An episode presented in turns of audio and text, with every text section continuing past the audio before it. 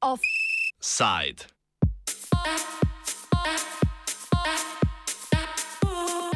Zadržano ustavno sodišče in osvobojena RTV.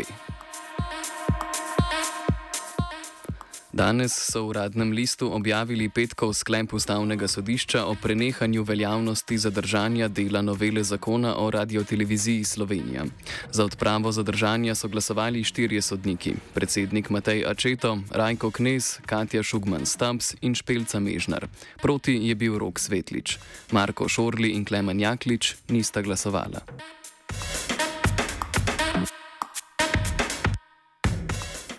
Sklep o zadržanju treh predhodnih določb novele zakona o RTV in dokončne odločitve je Ustavno sodišče Republike Slovenije sprejelo 16. februarja.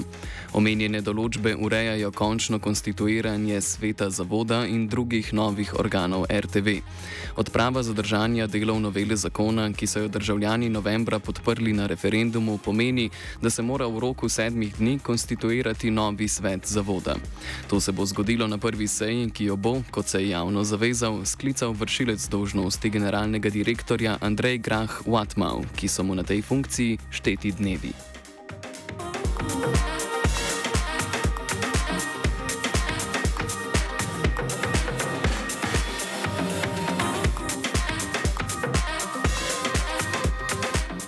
Odločitev za odpravo zadržanja je sodišče sprejelo z manj kot polovico vseh sodnic in sodnikov, saj dva ustavna sodnika izmed sedmih, ki odločajo po izločitvi Roka Čeferina in Neže Kogovšek Šalamon, nista glasovala. V petkovih odmevih je gostoval predsednik ustavnega sodišča Matej Ačeto, ki je dejstvo, da za odpravo zadržanja dela novele niso zbrali pet glasov, komentiral sledeče.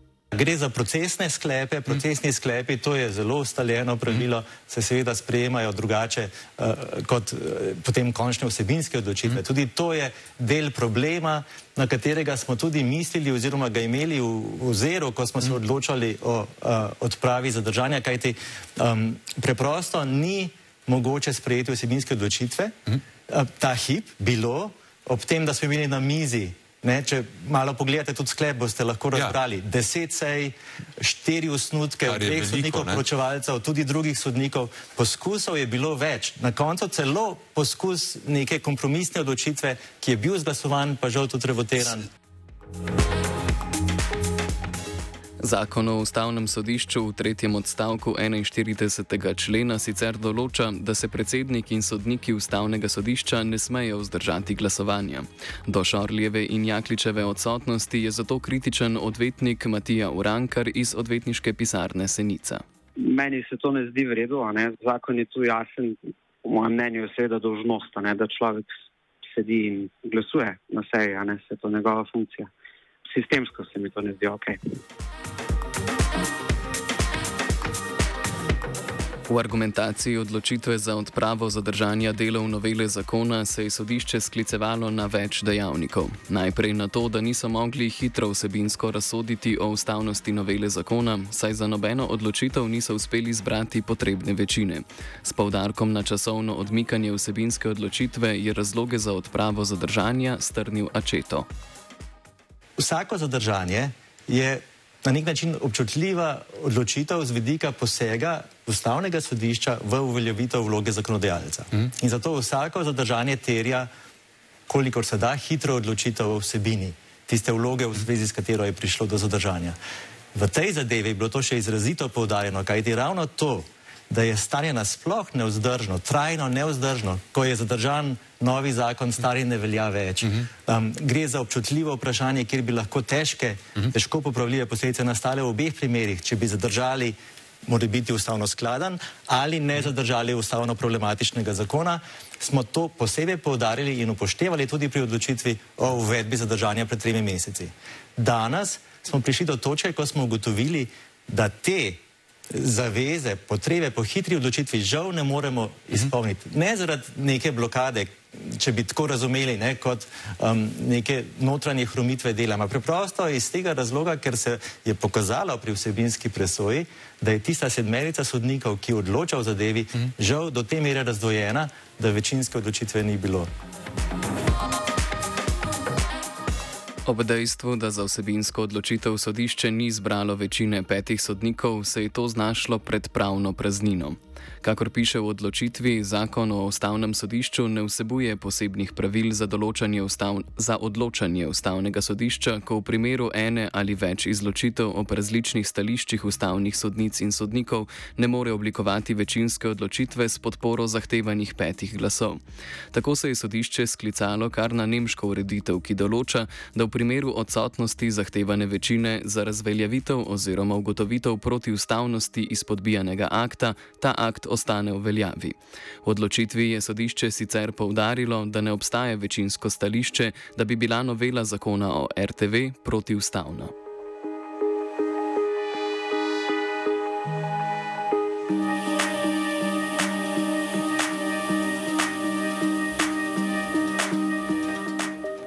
Bistvo odločitve za odpravo zadržanja pa lahko iščemo v tem, da so se od februarja spremenile okoliščine, ki vplivajo na nemoteno delovanje RTV.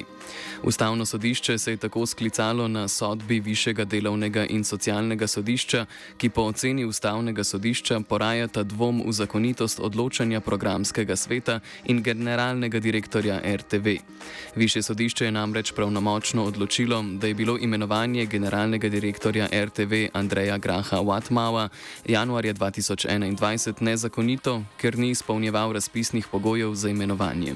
Prav tako je pravnomočno razsodilo, da je generalni direktor avgusta 2021 nezakonito razrešil direktorico televizije Natalijo Gorščak, saj razlogi za njeno razrešitev niso bili utemeljeni.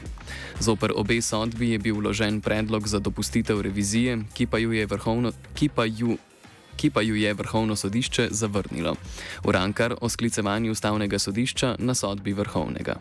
V tem konkretnem primeru, kar se tiče dveh pravnomočnih sodb, se mi tudi zdi to sklicevanje morda sporno, predvsem zaradi tega, ker nisem prepričan, če je v teh konkretnih primerih v bistvu že potekal rok za recimo nadaljna pravna sredstva, v mislih imam predvsem ustavno pritožbo, kar pomeni, da se ustavno sodišče sklicuje na neko odločitev, ki je verjetno še lahko tudi potem predmet ne, pravnega sredstva pred ustavnim sodiščem. Tako da meni se to ne zdi morda najbolj posrečen argument, no, bom tako rekel, v tem delu. Za komentar sklepa ustavnega sodišča smo prosili Tadeja Troho, ki je bil v novi svet zavoda februarja imenovan na predlog Slovenske akademije znanosti in umetnosti. Moram reči, da se, um, če je to sploh prava beseda, se strinjam z argumentacijo, ki se jo pač na ustavnem sodišču zdaj uh, proizvedel s tem, ker so enostavno spoznali, kot je pač predsednik ustavnega sodišča zelo jasno povedal in zelo odkrito v resnici povedal in tudi ustavno sodišče v tej obrazložitvi povedalo, da pač preprosto se oni vsebinsko ne bojo mogli odločiti.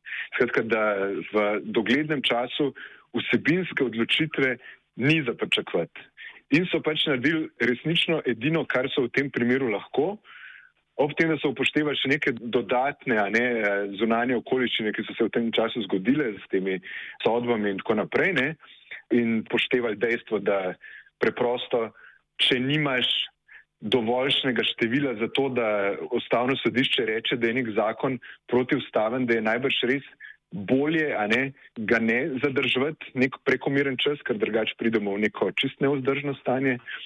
Jaz mislim, da je bila ta argumentacija zdaj, zdaj prava in ta odločitev tudi, po mojem, na nek način koristna. Troha predstavi svojo vizijo novega enotnega upravnega organa RTV. Eh, tako je. Ne, po odločitvi ustavnega sodišča je v bistvu edino, kar je še treba, da se zgodi, seveda pač, da se zgodi prva seja sveta RTV. To je organa, ki do zdaj še ni obstajal, za katerega ni nobenega eh, zaresnega presedana, ne ve se točno, kako naj deluje, seveda pa v zakonu so zapisane določene pristojnosti, ki jih ta svet ima. Ne. Zdaj, zakonodajalci so zelo uh, pazili, po mojem, na to, da svet RTV se čim bolj izogne temu, da bi bil to, kar je programski svet RTV-ja, bil formalno ali pa vsaj v praksi velikrat. Se pravi, komentator oddaj na RTV-ju, um, nek usporedni urednik, nek glas ljudstva, tako rekoč postavljeno na neke formalne seje, ki poskuša upravljati delo urednika.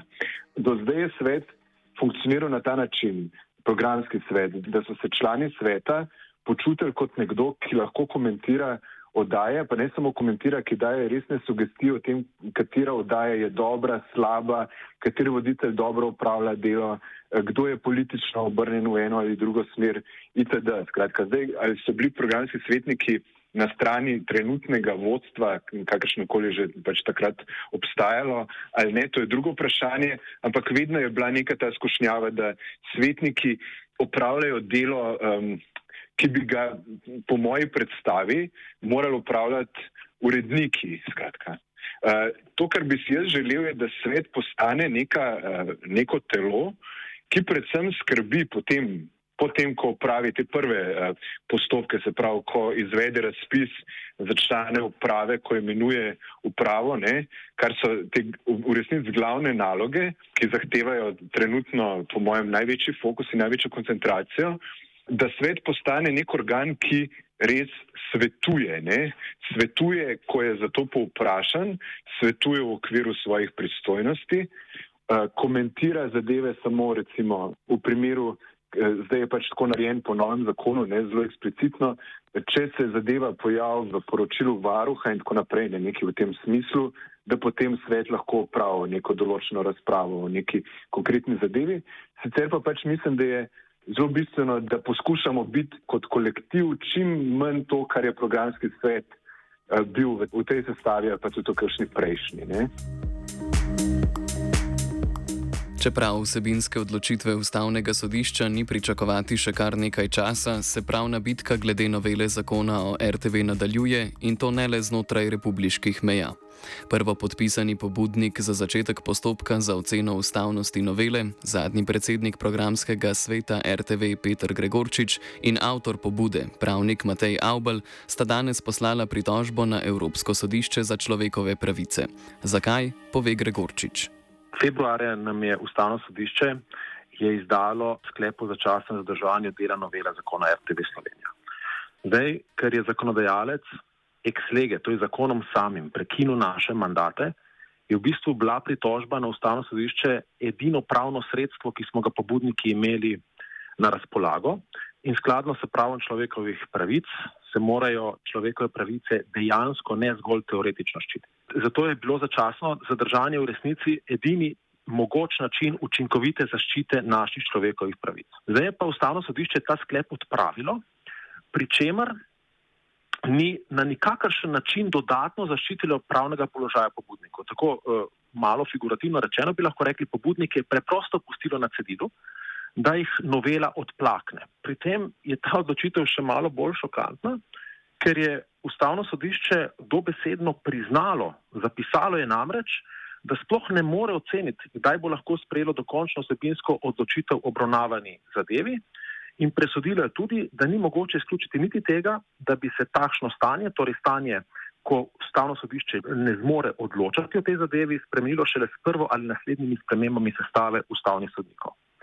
In potem je ustavno sodišče sprejelo sklep v svoji obrazložitvi in reklo, da sodišče ne more uresničiti svoje ustavne vloge v razumnem času, skladno z načelom učinkovitega sodnega varstva. To sem zdaj navedel dobesedno iz sklepa. Skratka, ustavno sodišče je reklo, mi o tej zadevi ne moremo več odločati in mi vam ne moremo več zagotavljati nikakršnega sodnega varstva. To je pa natanko tista situacija, ko je pred pritožnikom odprto pot na Evropsko sodišče za človekove pravice in to smo tudi zatrjevali. Zatrjevali smo, da Republika Slovenija v tem primeru krši pravico do učinkovitega sodnega varstva. To je prvi odstavek šestega člena konvencije. Gregorčič še pojasni, kako dojema sklep ustavnega sodišča, ki po njegovem mnenju krši človekove pravice. Tudi zakaj smo na ESČP šli, ker ESČP v resnici ne more razveljavljati zakonov v Republiki Sloveniji. Vendar se nam zdi, da tale RTV, se pravi ta, ta, ta sklep, ki predstavlja po našem prepričanju v bistvu precedens ne v slovenskem eh, pravnem prostoru, ampak v evropskem pravnem prostoru, v bistvu presega RTV Slovenija. Pravi namreč to, da odpira namreč vprašanje, ali so človekove pravice v Sloveniji še učinkovito zavarovane. In zdi se nam prav, da o tem presoja ESČP. O tem vprašanju, se pravi, ta zadeva je bistveno širša, kot je sama zadeva RTV Slovenija in odnosov z RTV Slovenija. Gre za mnogo hujšo zadevo tudi zato, ker je ustavno sodišče v resnici zapisalo, da je začasnim zadržanjem poseglo v zakonodajalčevo voljo in da torej je ustavno sodišče stopilo na stran zakonodajalca, torej ene izmed treh vej oblasti, nasproti posameznikom. Morate vedeti, da skladno s pravim človekovih pravic državna oblast ni nosila človekovih pravic. Nosila človekovih pravic je izključno posameznik, zato se tudi recimo država ne more pritožiti na SČP, ker ni nosilka človekovih pravic. V tem primeru pa se je ustavno sodišče ne, postavilo, se pravi, zaščitilo je oblast nasproti posamezniku, ker je v resnici v grobem nasprotju s samim jedrom ideje varovanja človekovih pravic. Namreč bistvo delitve oblasti v Sloveniji je to izvršilna, zakonodajna in sodna, je namreč v tem, da se posameznika zaščiti pred zlorabami oblasti, pred nedovoljenimi posegi oblasti v njegove človekove pravice. V tem primeru pa je oblast enotno, torej sodna, izvršilna in zakonodajna, se je poenotila proti posamezniku. In nam se zdi to resnično škandalozno in nas resnično zanima, kaj, če kaj bo Evropsko sodišče povedalo o tej zadevi.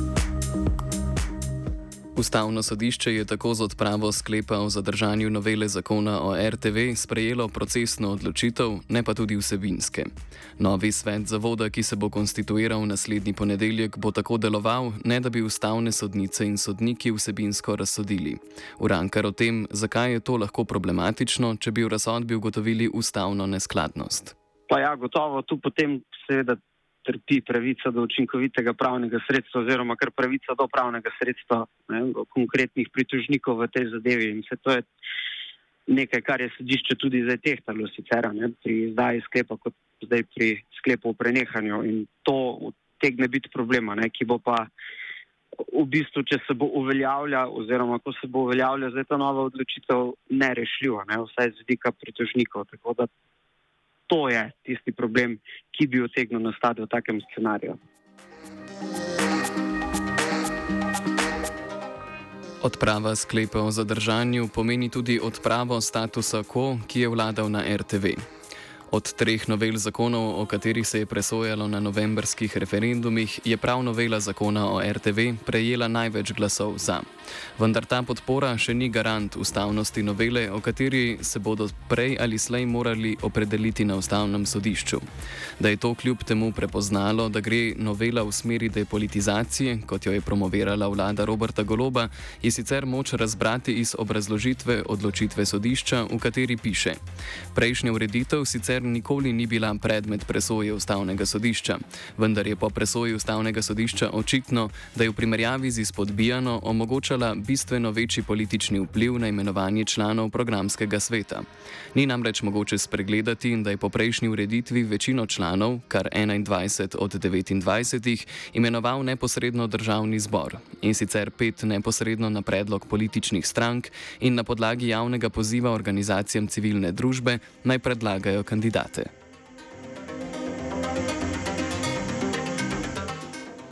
Offside je pripravil Fabian.